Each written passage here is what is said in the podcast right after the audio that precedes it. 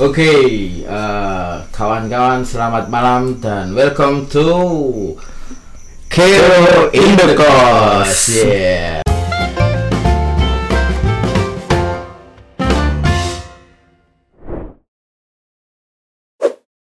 Halo Mas Bas. Halo bro, gimana nih kabarnya? Baik-baik aja nih bro. Ya, Baik, baik. bagus lah. Kamu juga? Alhamdulillah baik. Alhamdulillah. Dari mana tadi bro? Tadi habis dari rumah saudara tadi.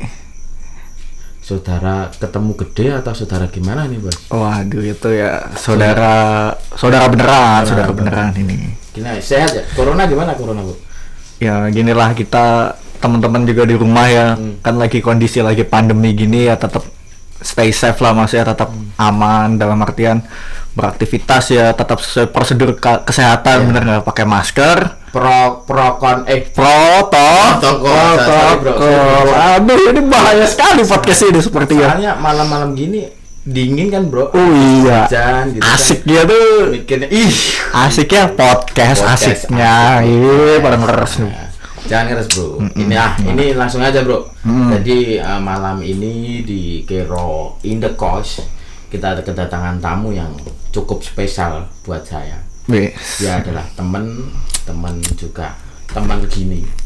Nah, eh, saya harap kedatangan beliau di sini itu untuk mm, bercerita tentang segala perjalanan hidup beliau dari kecil sampai tua seperti ini itu apakah ada yang berkesan dan paling berkesan itu perjalanan kisah seperti apa nah langsung saja eh, mungkin gini Om Gio silahkan perkenalan dulu Ya, jadi di sini eh, nama gua Giovanni Dimas, biasa dipanggil Gio, Giogop, apa Dimas. Oh, gitu. Em, bahkan mungkin teman-teman gua ada yang nyebut Emon juga ada. Emon juga ada bro Emon, Emon juga. kenapa kok bisa Emon Nah, itu tuh jadi kan ini Emon tuh baru sebenarnya baru karena SMA gue dapet sebutan Emon nih. Emon, Emon. Karena eh pas itu tuh gue pas perkenalan di kelas 1 SMA tuh gue kenalin diri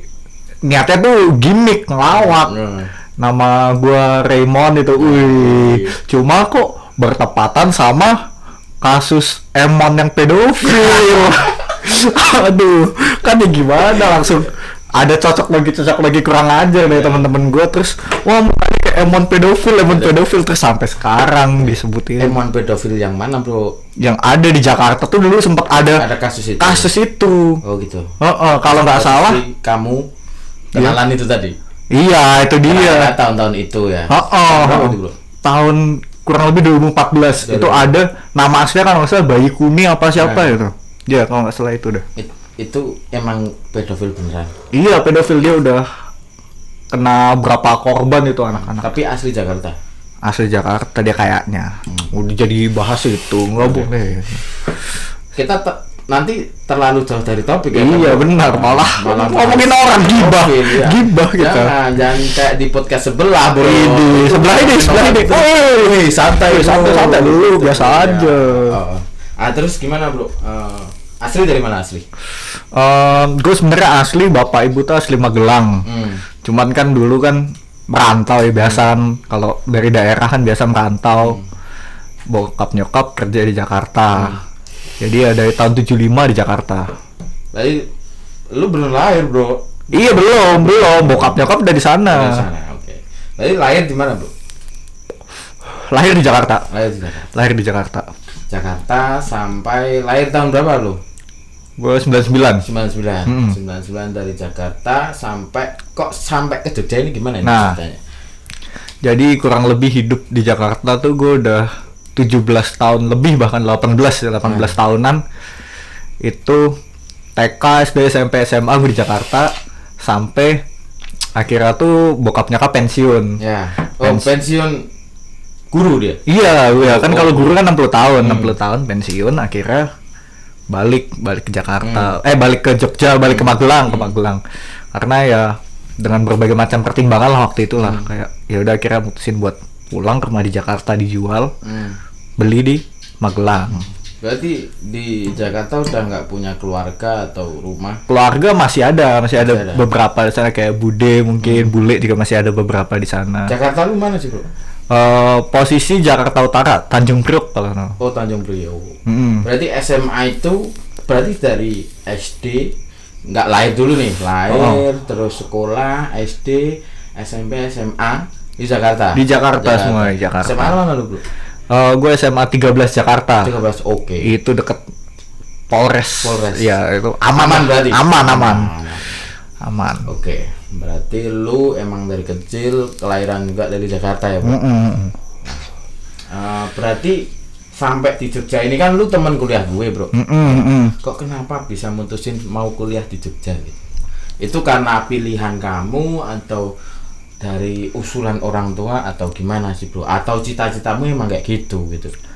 Buat kuliah tuh sebenarnya awalnya tuh ya awalnya tuh nggak ya sebenarnya tuh kuliah tuh ya di mana aja, di mana bahkan mungkin karena emang udah lama di Jakarta, emang orientasi pengennya di Jakarta. Karena kan teman-teman apa segala macamnya di Jakarta semua kan, pengennya di Jakarta, cuman kan eh, orang tua rumah segala macamnya dari Jawa lah dari Magelang dari Jawa. Ya kalau bisa ya cari kuliah yang di Jawa lah di Jawa Tengah daerah Jawa Tengah. Akhirnya nyoba-nyoba nyoba tes berapa tempat. Tidak diterima. Tidak terima. nggak keterima akhirnya opsi Tes tes di mana tuh, bro? Maksudnya? gue tuh dulu sempet tes di UGM, Undip, UNS, nggak ada yang dapat semua. Oh, Nggak ada yang dapat semua. ada. Pahit-pahit ya, pahit lah. itu itu itu mungkin bukan karena otakmu sih bro otakmu aku percaya itu cerdas Ya mungkin emang bentuk fisikmu itu physically ya gitu gitu tahu sendiri kan gitu body shaming. nggak body shaming ini kan karena kita udah kenal Oh iya Ya kan? iya. di dalam pertemanan itu kan nggak ada maaf itu nggak ada Mm-mm. terima kasih itu nggak ada Semua udah Ya, udah tanpa kita mengungkapkan udah udah bisa dapat feel ya, iya feel udah gitu, dapet bro. Tos itu dulu, mantep bro. Nah, untung kita temen dulu ya bro Yo Nah kalau belum teman gue nggak berani sama Bung Gio kayak gitu. Iya. Preman Jakarta tuh bro. Iya di Jakarta, sayangnya kita di Jog. Jogja. Jogja. Ah, ini gue taruh aja ya bro ya. Iya. Gue kayak gini udah kedengeran sih sebenarnya.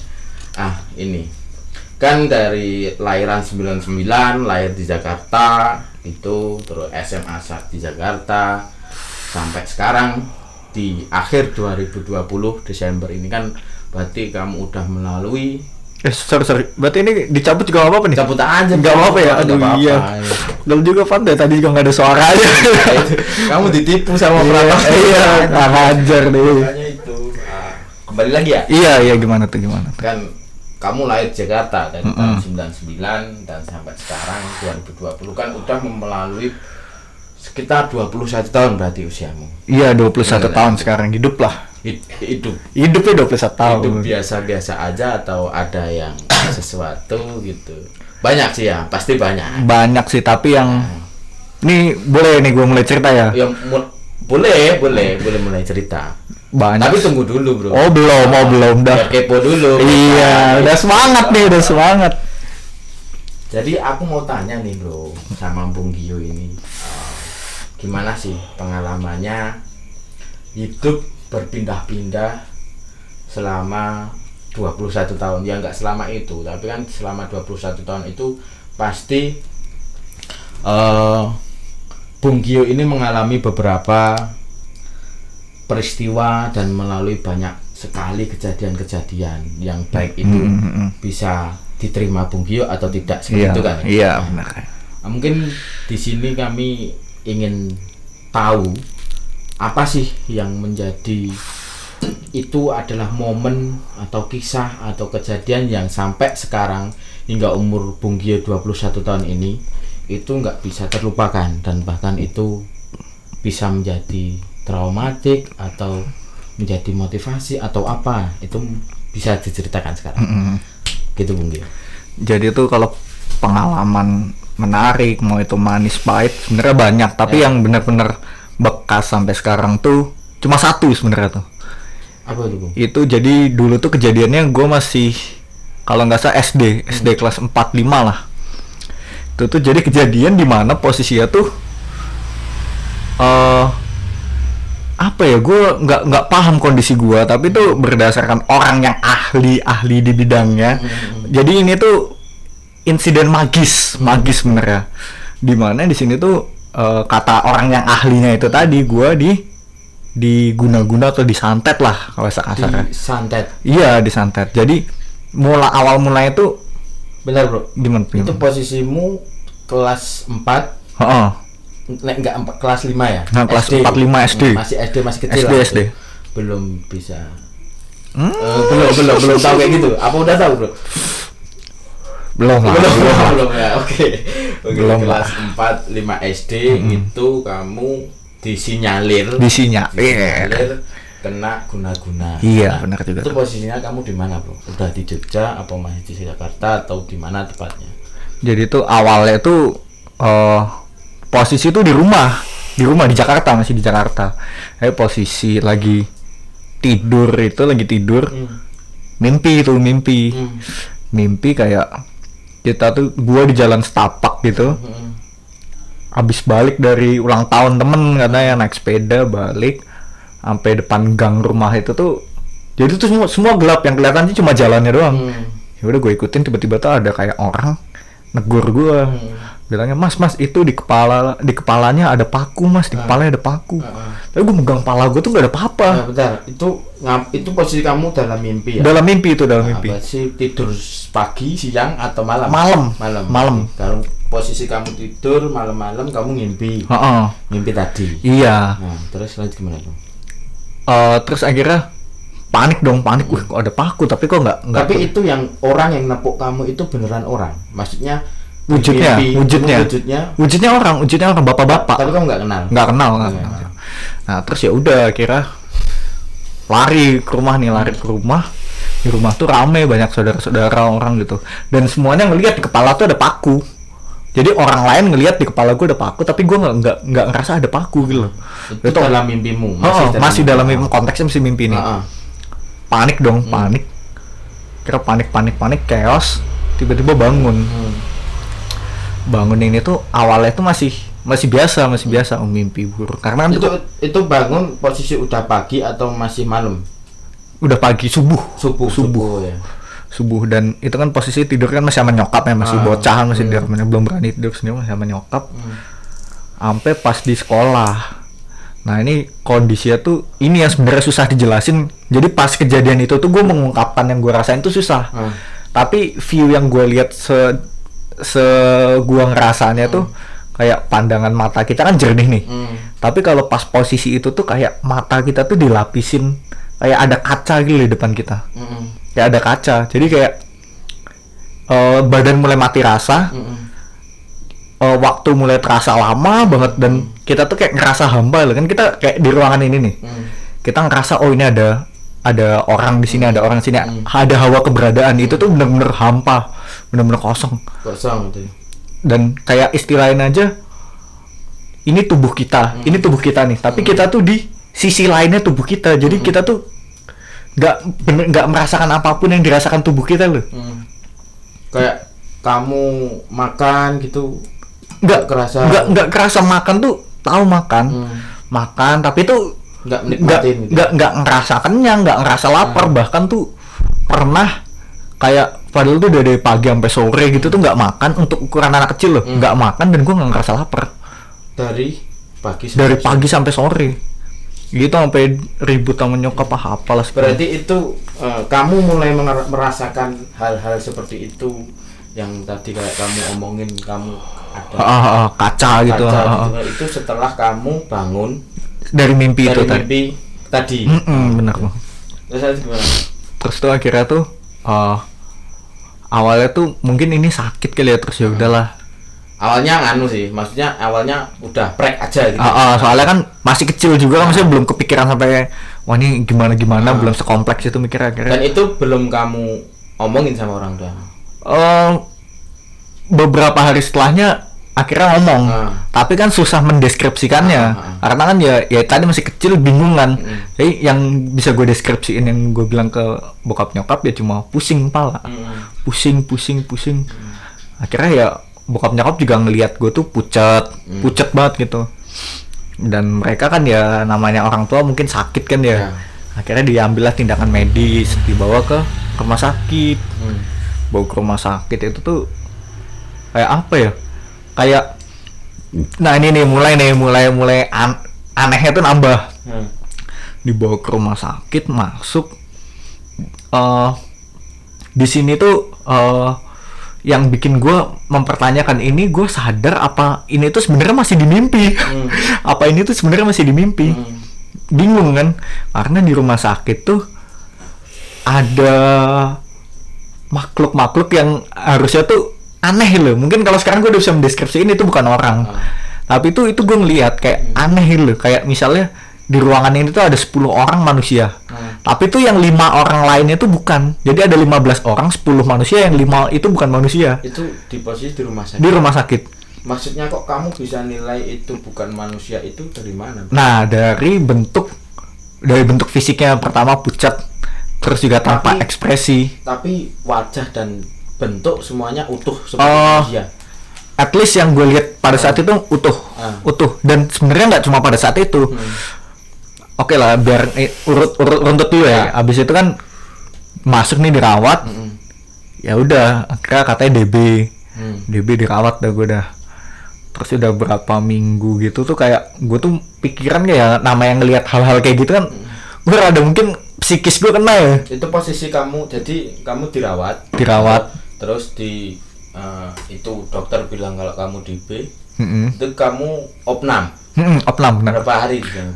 Udah hampir tujuh hari seminggu lah. hampir tujuh hari itu Ha-ha. dalam tujuh hari itu kamu merasa ada yang aneh atau Hmm. kayak kemarin-kemarin Nah, sama sama kayak kemarin, cuma ya nambah aneh itu ya kayak ngelihat kayak ada yang kan namanya di ruangan rumah sakit kan ada kaca yang Mm-mm. tembus keluar gitu loh. Ya. Nah, itu tuh ada eh, bapak-bapak Mm-mm. yang itu tuh kayak nggak tahu duduk, nggak tahu berdiri, pokoknya di kaca terus gitu loh. Dan tiap gua tanya ke bokap yang jaga kan bokap gue jagain tuh, dia nanya, "Pak, itu kok bapak-bapaknya di sana terus bokap gua tuh nggak nggak nggak ngeliat Iya. malah ngiranya gua aneh." Mm-mm. Halusinasi mungkin bilangnya dikira halusinasi. Terus akhirnya di situ gue kayak wah ini udah udah udah mulai nggak bener nih apa jangan-jangan gue udah mati. Kayak mulai So- sorry bro. Itu bapak-bapaknya itu posisinya di luar ruangan hmm, di depan kaca dan dia eh, liatin kamu atau gimana? Lihat ke dalam ruangan karena kan di situ kan ada beberapa pasien yang Ah. nggak tahu fokusnya ke gua apa ke mana yang penting gue lihat ngadep tapi sini. sendirian? Sendirian akhirnya gue mulai ngerasa gila. Ya ya stres lah namanya stres ya. Ini kok nggak jelas ini gimana apa jangan-jangan gue udah mati? Saat kalau ini mimpi yang ada di otak gue apa? Gue bisa nimbulin rasa sakit. Karena kan kalau kita ngerasain awal langsung bangun kan. Mm-mm. akhirnya situ gue kepikiran hal gila. Mm. nyabut infus. Gitu. Wah itu kamu, hal kamu sempat sempat berpikiran kayak gitu? Itu udah gue lakuin. Bukan kepikiran udah gila lu anjing. Terus terus gimana ya itu nyabut infus. Wah geger kan. Nah. lu bayangin nyabut infus katanya kan ini kan infus kan mas kalau di sini kan masuk ke pembuluh darah. Iya. itu tuh sampai pendarahan sampai ngocor darah tuh gue nggak ngerasain apa-apa pak. Berarti emang emang itu kamu seluruh tubuh udah mati rasa? eh gue tuh cuma ngeliat darah bersimbahan tapi gue nggak ngerasain apa-apa. Dan kosong gitu. Dan iya kosong. Dan itu wah udah udah akhirnya ya udah itu ditanganin lah ditanganin sampai gue tuh dikasih kayak strap buat ngiket di ini loh. Biar nggak dicopot biar biar gue nggak nggak melawan nggak merata. Jadi udah udah diperlakukan kayak orang gila saya kan orang gila. berarti kamu melakukan eh, nyabut infus tadi dalam posisi sadar ya? Dalam posisi sadar sadar maksudnya sadar pengen nyabut oh, oh, itu itu keinginan gue sendiri Ah, yang nyabut. di luar. Bukan bukan bukan. Nah akhirnya eh ya udah nih eh, fase perawatan selesai gue dinyatakan sembuh. Itu selama seminggu ya kurang lebih? Ha, seminggu kurang Seminggu. lebih. Akhirnya balik ke rumah tapi ti- nggak ada perubahan. Di gua nggak ada perubahan. Masih tetap sama yang gua rasain. Tapi padahal dari pihak rumah sakit udah Udah menyatakan sembuh. lu sembuh. Ha, ha, trombosit normal apa udah mulai sembuh. Terus pulang? Pulang Ya, dan sampai rumah ya sama aja. Sa- masih sama dan akhirnya itu gitu lagi gitu lagi gitu lagi gitu, gitu lagi. lagi itu maksudnya gimana? Berlangsung terus itu tuh kayak gue yang aktivitas gue tetap berjalan tapi itu dengan kondisi gue yang kayak gitu. Ah, ah, yang kosong. Mm-mm, lah. nggak rasain apa-apa. Ha, ha, ha. dan nggak cuma visual yang nambah tapi eh, audio juga gue mulai ngedenger hal-hal yang kayak nggak seharusnya gue denger. Hmm. kayak misalnya tiap malam lu bayangin aja sih jam gue sampai nggak bisa tidur tuh sampai jam 12 jam 1 Hmm. tuh tuh luar masih rame kayak pasar lu, lu, lu, lu, rame gitu Tapi nggak jelas cuma riuh, riuh orang. eh, riuh nggak tahu ngomong apa rame terus rame terus Itu selama selama gua Tiap hari? tiap hari tiap hari malam. nggak eh, sebenarnya tuh Nggak mesti, nggak mesti malam nggak mesti. mesti malam tapi muncul enggak Heeh, gitu ya. tapi riuhnya itu emang pas malam pas maksudnya kondisi semua hening Hmm. tapi kok masih ada kegaduhan yang harusnya tuh hening gitu loh. harusnya hening tapi kok masih ada rame ini Posisi lu di rumah di rumah di rumah Dan di rumah itu emang nggak ada aktivitas apa? nggak ada Lingkungan nggak- rumah lu. nggak ada nggak ada akhirnya ya udah berjalan gue masih mengeluhkan hal yang sama ke bokap nyokap akhirnya bokap nyokap tuh kayak mendiagnosa gue tuh mau dibawa ke psikiater kan udah gila apa gue udah dianggap gila kalau udah ke psikiater kan. Anu, bukan nyokap lu pengen bawa lu ke psikiater. Itu udah? Belum Belum. belum, karena eh, pas itu tuh eh, ada saudara gua kakak sepupu gua yang kayak ngira ini jangan-jangan bukan sakit medis ini. Mm-mm. akhirnya dibawalah ke beberapa eh, orang pinter gua nggak inget eh, siapa namanya tapi ada kurang lebih tiga orang pinter di Jakarta. Jakarta. di Jakarta. Eh itu tuh atas diagnosanya dia tuh nggak mereka tuh nggak bisa menelaah gue ini kenapa? Itu nggak bisa. Kayak oh ini cuma ada ini gangguan ini ada ini. Spesifiknya kenapa nggak ada? spesifiknya tuh nggak nggak nggak jelas. Bahkan ada salah satu dari mereka tuh yang bilang ini nggak ada apa-apa bu. Sehat kok. Itu tiga orang pinter lah ya. oh, tiga orang pinter orang lah. pinter dalam tanda kutip dalam hal magis. Ah. Itu posisi di Jakarta semua. di Jakarta semua. Dikasih air air doa apa gitu segala macem juga nggak nggak ngefek pak. Masih tetap masih tetap ini masih tetap apa gitu lagi. Akhirnya eh, dapat saran dari eh, adiknya nyokap gua buat ada nih di kampung tuh eh, orang pinter namanya Nggak usah disebutin. oh nggak usah nggak usah. Ah. Ya ada lah orang daerah ada Magelang di gitu. daerah kampung gua tuh Magelang kan berarti. Magelang, Ah. Magelang di Magelang tuh orang pinter. Mm-mm. Akhirnya dihubungin via telepon. Hmm. Via telepon eh dia ngasih kayaknya dia nerawang terus ngasih saran. Eh tapi sorry bro. Tadi sebelum kamu ke Magelang kan itu melalui tiga Orang pinter, itu. ha-ha. Nah tiga orang pinter itu maksudnya masa nggak nggak ngobatin lu kayak gimana gitu? Eh yang gue inget tuh yang pertama ada yang ngobatin tuh dielus punggungnya diginiin. Anget gue ngerasa anget. Ini tangannya kok panas? Panas gini. Tapi dia habis setelah ini setelah ngecek ngecek itu dia bilang nggak ada apa-apa bu sehat. Nah. ada yang satu lagi tuh dikasih air aqua yang satu setengah liter itu tau di, di obat dikasih doa doa apa gue suruh minum sehari tiga kali sama buat cuci muka. Ya nihil Maksudnya kamu nggak ngerasain beberapa saat sembuh atau Nggak. gimana? Enggak sama nggak ada perubahan yang signifikan sama sekali nggak ada akhirnya ya itu tadi Hmm. ke orang pintar yang di kampung dia nyaranin buat eh, air kelapa muda Mm-mm. air kelapa muda yang hijau itu direbus di eh, modelannya tuh kayak kayak kendi yang buat jamu lah yang dari tanah liat Ah, ah. nah itu ama apa ada beberapa komponen rempah-rempah kalau nggak salah. Direbus terus gue suruh minum. Tapi itu posisi itu baru via telepon. via Kamu telepon masih di Jakarta. Mm-mm, masih. Ah. itu nyokap pokoknya orang tua lah yang ngurusin deh, yang yang perantara. Gue cuma suruh minum doang. Itu signifikan. Setelah minum berapa saat kayak kesadaran gue tuh balik lagi. Mm. kayak tiba-tiba pandangan gue maju set gue balik Enggak kayak di alam mimpi. Heeh, gitu ya. wih, kok balik seneng dong Hmm. wih sembuh sembuh gitu, segala macam sembuh tapi nggak berlangsung lama Ber- nggak berlangsung lama maksudnya. itu mungkin kalau gua efek ngerasanya pagi Mm-mm. itu sore udah balik lagi kayak gitu Nggak nyampe bertahan satu hari. nggak gitu. nggak nyampe jadi cuma gue tinggal tidur dan bangun-bangun cek balik lagi shit terus nih gitu lagi? terus saya kira wah gue ya gue ngeluh lagi dong ke bokap Ah. nyokap masih pusing kok balik lagi gitu segala macem. Terus ya akhirnya eh, sarannya ya temuin langsung orangnya ini si orang pintar yang di Magelang ini. Kira pulanglah gue ke kampung. Dengan tujuan mau nemuin itu orang pinter itu. Iya iya. Dan sampai sana ya di, ya di akhirnya diobatin. Dia tuh cuma tiap gue cerita dia cuma hmm, hmm, hmm, itu gini. udah tua udah tua sih mungkin umur 70-an mungkin. Cowok cewek? Cowok. Cowok? Udah 70-an nah akhirnya kalau di dia tuh dapat air juga. Sama metode cuma minum dicuci muka. Cuman eh, tiap tidur nanti di bawah bantal diselipin bulu burung dara.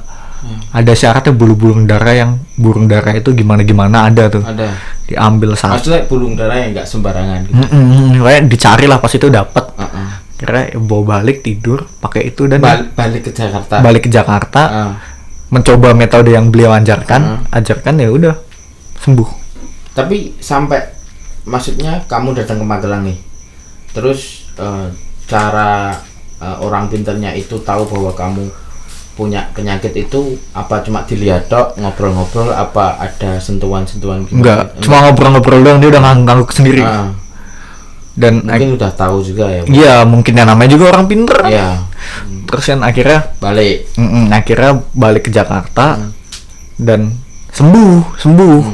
Sembuh akhirnya nyokap bilang katanya tuh ini apa ada yang nggak seneng. Ada yang nggak seneng mungkin sama keluarga. Lu. Ma- sama keluarga gua ada yang nggak seneng mungkin berarti itu kalau dari orang pinter yang di Magelang tadi Heeh. dia nganu maksudnya eh, menurut dia itu ada orang yang nggak seneng Heeh. sama keluargamu Heeh. Nah, terus ngirimin bala lah, ngirimin santet lah. Heeh. Nah, mungkin santetnya itu mau mengarah ke nyokap gua. Cuma kenanya ke meleset meleset. Karena kan pas itu kalau di logika ya kan gue tidurnya samping nyokap. Hmm. Ya mungkin meleset lah. Cuma si orang pinter ini tuh nggak mau ngasih tahu siapa namanya, orang mana tuh nggak mau. Cuma Iya. ngasih tahu kayak ini ada yang nggak seneng gitu. Berarti emang eh, murni guna-guna ya Murni guna-guna, murni bukan guna. bukan itu bukan suatu hal penyakit medis itu bukan Bukan, bukan Bukan. hal medis, Hmm. bukan. terus gimana Bu, setelah Nah setelah itu, eh, nah ini dari peristiwa Metode dari peristiwa yang gua alamin ini tuh ini bukan mengubah sih kayak eh ada efeknya yang kena ke gua. nah Kayak setelah itu gua jadi lebih sensitif akan hal-hal yang kayak gitu yang tidak kasat mata. Heeh. Kayak mungkin tapi bentar bro itu kamu posisi eh, kan tadi udah berobat kan Hmm. terus dapat dapat metode pengobatan burung bulu burung dara Hmm, dan hmm, sebagainya itu itu udah manjur udah manjur, udah manjur. berlangsung berapa lama kira-kira Hmm, kesembuhan ya apa? kesembuhnya maksudnya Proses pengobatannya? proses pengobatan kan Oh. cuma burung dara ditaruh ke bawah bantal Mm-mm. nah gitu kan Heeh. Itu nggak lama kok, nggak nyampe seminggu mungkin udah sembuh. berarti selama selama burung dara kamu taruh ke bawah bantal itu posisi kamu udah sadar udah sadar Udah udah sadar. udah udah sembuh Hmm. terus pas udah sembuh ya ya udah Mm-mm. terus kamu punya itu maksudnya walaupun udah sembuh kamu mempunyai kepekaan tersendiri. Oh, oh, oh, mungkin itu efek dari kejadian itu Ah. mungkin mungkin ya. Mm. kayak eh bisa melihat bukan cuma melihat kalau orang indigo mungkin ya bilangnya indigo atau orang yang punya indera keenam itu kan mereka secara sadar melihat cuma melihat melihat melihat. Tapi kalau gue tuh melihat tapi bukan dalam kondisi sadar tapi gue melihat pas gue tidur. Gue kayak nah ini tuh Tapi eh, posisi udah udah sembuh. udah sembuh ini posisi udah sembuh. Ini ini kejadian mungkin beberapa tahun setelah peristiwa itu. Mungkin SMP mungkin ya. Mungkin SMP nggak nggak begitu ingat juga awalnya kapan. Itu tuh mimpi. Gue tuh ngerasa kayak gue ngelihat nih gue gue tidur. Mm-mm. tapi gue tuh terbang. Terbang gue ngelihat oh ini tubuh gue tidur. Gue kayak lihat jelas. Ngelihat ngelihat oh ini gue tidur. Ini rumah gue berarti kan itu maksudnya maksud gua aneh itu bro Aneh, maksudnya ketika aku pengalaman mimpi aku bahkan nggak tahu nih aku bisa ngelihat diriku tidur Ha, ha, ha, ha. bukan itu bahkan aku nyimpulin itu bukan mimpi Oh, oh, oh, kayak nggak sadar kan itu. Ah. Tapi tapi di sini posisi gue sadar oh ini gue ngimpi. Hmm. Karena gue bisa ngeliat diri gue dan berarti kamu lihat sendiri tubuhmu itu sedang tidur Oh, oh. di kasur Ha-ha. tapi kamu pergi pergi nggak nah dan ini perginya tuh nggak tanpa bisa gue kehendakin. Jadi dalam artian ya udah gue melayang melayang aja. Gue nggak gue nggak bisa nentuin oh gue mau melayang ke sini ke sini. Nggak bisa. Jadi kayak udah ada rutenya gitu loh. Hmm. gue cuma bisa ngelihat doang. Jadi melayang layang itu udah melayang layang secara sendiri gitu loh. Hmm. dan mimpi pertama gue yang gue inget tuh eh, di sekitaran rumah gue eh, itu tuh banyak aktivitas. Hmm. aktivitas karena gue nggak ngelihat manusia Hmm. gue ngelihatnya itu cuma eh, orang pakai kain putih. Eh, sebagian besar tuh berambut panjang. Mungkin perempuan ya kalau berambut panjang identiknya perempuan. Itu tuh jalan lalu lalang di ya ja- itu di jalan di jalannya rumah gua. Jalan gang. Dia bukannya jalannya di atas genteng itu enggak. Di jalan biasa jalan mereka jalan jalan jalan gitu. Berarti posisimu itu emang anu ya, maksudnya ketika kamu eh, kejadian itu, kamu tuh sadar bahwa kamu itu kelilingnya bukan di negeri antah berantah, Ha-ha, tapi iya. emang ya itu spesifik itu di lingkungan Ha, lingkungan gitu. kita lingkunganku Nah, dan akhirnya terus nih tubuh terus berjalan terus ngelayang itu posisi kamu ngerasain kamu melayang gitu. ngelayang Hmm. karena gue ngelihatnya dari atas Hmm. ngelayang kan berarti Hmm. berarti ngelayang itu terus berjalan ngelayang layang layang layang layang eh sampai ke ujung gang ujung gang jadi ada jalan gede ini sebutin nama jalan ya Nggak apa-apa. nggak apa-apa lah ya kalau jalan kan umum lah ya Umum, daerah itu. Eh, itu ada namanya jalan Keramat Raya Mm-mm. Keramat Raya itu masih sama nih orang-orangnya masih putih-putih jalan terus kok Itu tiba tapi orangnya itu banyak.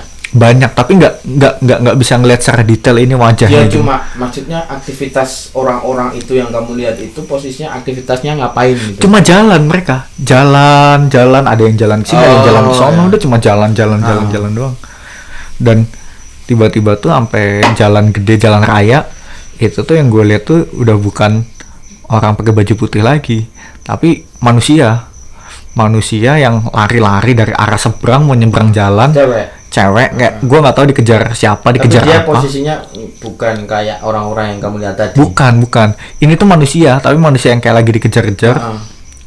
terus ketabrak mobil Tabrak mobil. dia kan lari-lari mau nyebrang Ah. jalan terus tiba-tiba ketabrak mobil angkot angkot angkutan biasa itu Ah. ketabrak terus makin ke sono kok gue bisa ngelihat aktivitas manusia ini manusia loh Hmm. aktivitas manusia tapi kok kalau di logika kan harusnya jalan keramat seberangnya itu kan masjid raya Islamic Center. Hmm. tapi itu kok posisi bukan masjid Islamic Center. Ini apa? Banyak aktivitas yang gue bilang tuh ada pembunuhan judi Ah, dan aktivitas seks komersial. Seks bebas gitu ya. nggak nggak tahu itu seks komersial pokoknya aktivitas seks tuh banyak lah di situ. Di daerah. Di daerah yang gue lihat itu yang di Ah. seberang jalan itu. Dan balik balik lagi set, bangun Hmm. Tapi bentar bro, berarti kan eh, kamu yang kamu lihat di sekeliling rumah itu emang penampakannya, maksudnya lokasinya itu emang bener-bener kayak kamu ketika bangun Mm-mm. atau ada sesuatu tempat yang beda oh ada yang beda. ada yang beda bangunannya Mm-mm. bangunannya Tapi secara jalan itu spesifik. spesifik sama ini Eh, cuma mungkin ada bentuk yang be- ya, beberapa yang berbeda ya Hmm. Terus saya kira kan karena penasaran eh, nggak nggak nggak cerita mimpinya karena kan kalau cerita mimpinya ke orang tua kan orang tua pasti meragukan itu kan kayak ah nggak mungkin Nanti lu dibawa ke psikiater. iya dikira gila lah gitu lucu dong Iya. akhirnya bawa ke cerita akhirnya bokap tuh cerita kalau dulu tuh sejarah tempat ini Hmm. Tempat Lingkungan. lingkungan Lingkungan. Kan. itu sebenarnya salah satu cerita kelam di daerah Tanjung Priok lah di daerah Jakarta Utara di mana ini tuh eh, dulu tuh jalan yang tadi gue bilang jalan Keramat Raya yang Hmm. ada orang nyebrang ketabrak itu namanya bukan Keramat Raya nama daerah itu Keramat Tunggak Keramat Tunggak Tunggak. nah Keramat Tunggak jadi di Indonesia tuh ada beberapa tempat prostitusi besar Hmm. sekelas Gang Doli Hmm. jadi dulu tuh ada Gang Doli terus ada Kalijodo Hmm. satu lagi Itu tempat lu itu. Keramat Tunggak ini Oh. Itu dulu prostitusi. Jadi emang kalau di eh, kaitin sama sejarah sejarah kok masuk akal jadi masuk gitu ya. akal iya Ah. dan ya mungkin mungkin ap- dengan apa yang gue lihat gue nggak bisa langsung menyimpulkan wah ini ini wah ini ini tapi cukup masuk akal kalau mengingat latar belakang sejarah Iya. jadi dulu tuh seberang jalan rumah gue tuh tempat prostitusi besar pak Ah. akhirnya pada zaman orde baru orde baru berakhir itu di di digusur lah kayak ditutup kayak gang doli gitu Ah. digusur direvitalisasi akhirnya dibangun masjid agung yang megah masjid Islamic Center. Yang kamu ceritain tadi? Iya iya itu dulu sebelumnya tempat prostitusi. Akhirnya dibongkar dijadiin itu berdasarkan eh, bokap lu ya? Hmm, kan bokap kan udah lama dari tahun 70 di Jakarta di daerah itu. Emang dan yang gitu akhirnya oh iya. Dari situ gue mulai menarik kesimpulan bahwa sebenarnya tuh mimpi-mimpi aneh-aneh yang gue alamin. Gue bisa ngebedain ini mimpi aneh sama enggak. Ya. kalau mimpi yang normal ya gue nggak sadar ini mimpi dan mimpinya tuh absurd itu loh. Kalau ini kan mimpinya jelas ada alurnya. Hmm. itu ya mimpi-mimpi yang kayak gitu tuh gue udah mulai bisa ngebedain oh berarti kalau gue mimpi yang aneh ini itu atas respon dari alam sekitar gue Ah. lingkungan sekitar gue